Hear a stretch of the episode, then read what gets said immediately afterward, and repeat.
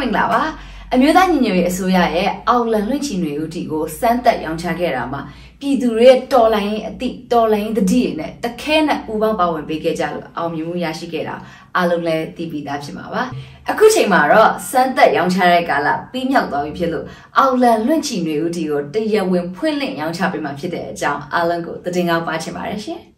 နွေဦးထီပုံစံသစ်မှာထီလက်မှတ်ဝယ်ယူခြင်းသူတွေအနေနဲ့ကိုယ့်ရဲ့ Wave account ဒါမှမဟုတ် Wave Pay, KPay, True Money agent တွေကနေတစ်ဆင့်ငွေလွှဲပြီးတော့ဝယ်ယူနိုင်ပါတယ်။ထီလက်မှတ်ဈေးနှုန်းတွေကတော့အရင်ကလိုပဲတစ်စောင်ကို2000ကျပ်ဖြစ်ပြီးတော့အနည်းဆုံး9ဆောင်ကနေ10ဆောင်15ဆောင်အဆောင်20အစရှိသဖြင့်အများဆုံးအဆောင်90အထိဝယ်ယူနိုင်မှာပဲဖြစ်ပါတယ်။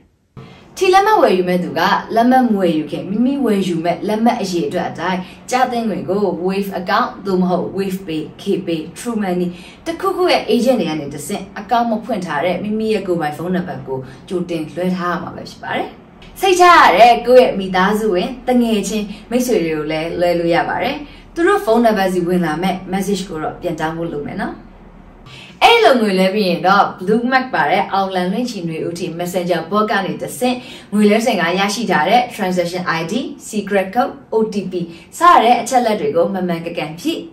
ငွေလဲထားတဲ့ဖုန်းနံပါတ်ကိုဝင်လာတဲ့ message ကို screenshot ရိုက်ထားပြီး upload လုပ်လိုက်မယ်ဆိုရင်ထီလက်မှတ်ဝယ်ယူတဲ့လုပ်ငန်းစဉ်အောင်မြင်ပါပြီ။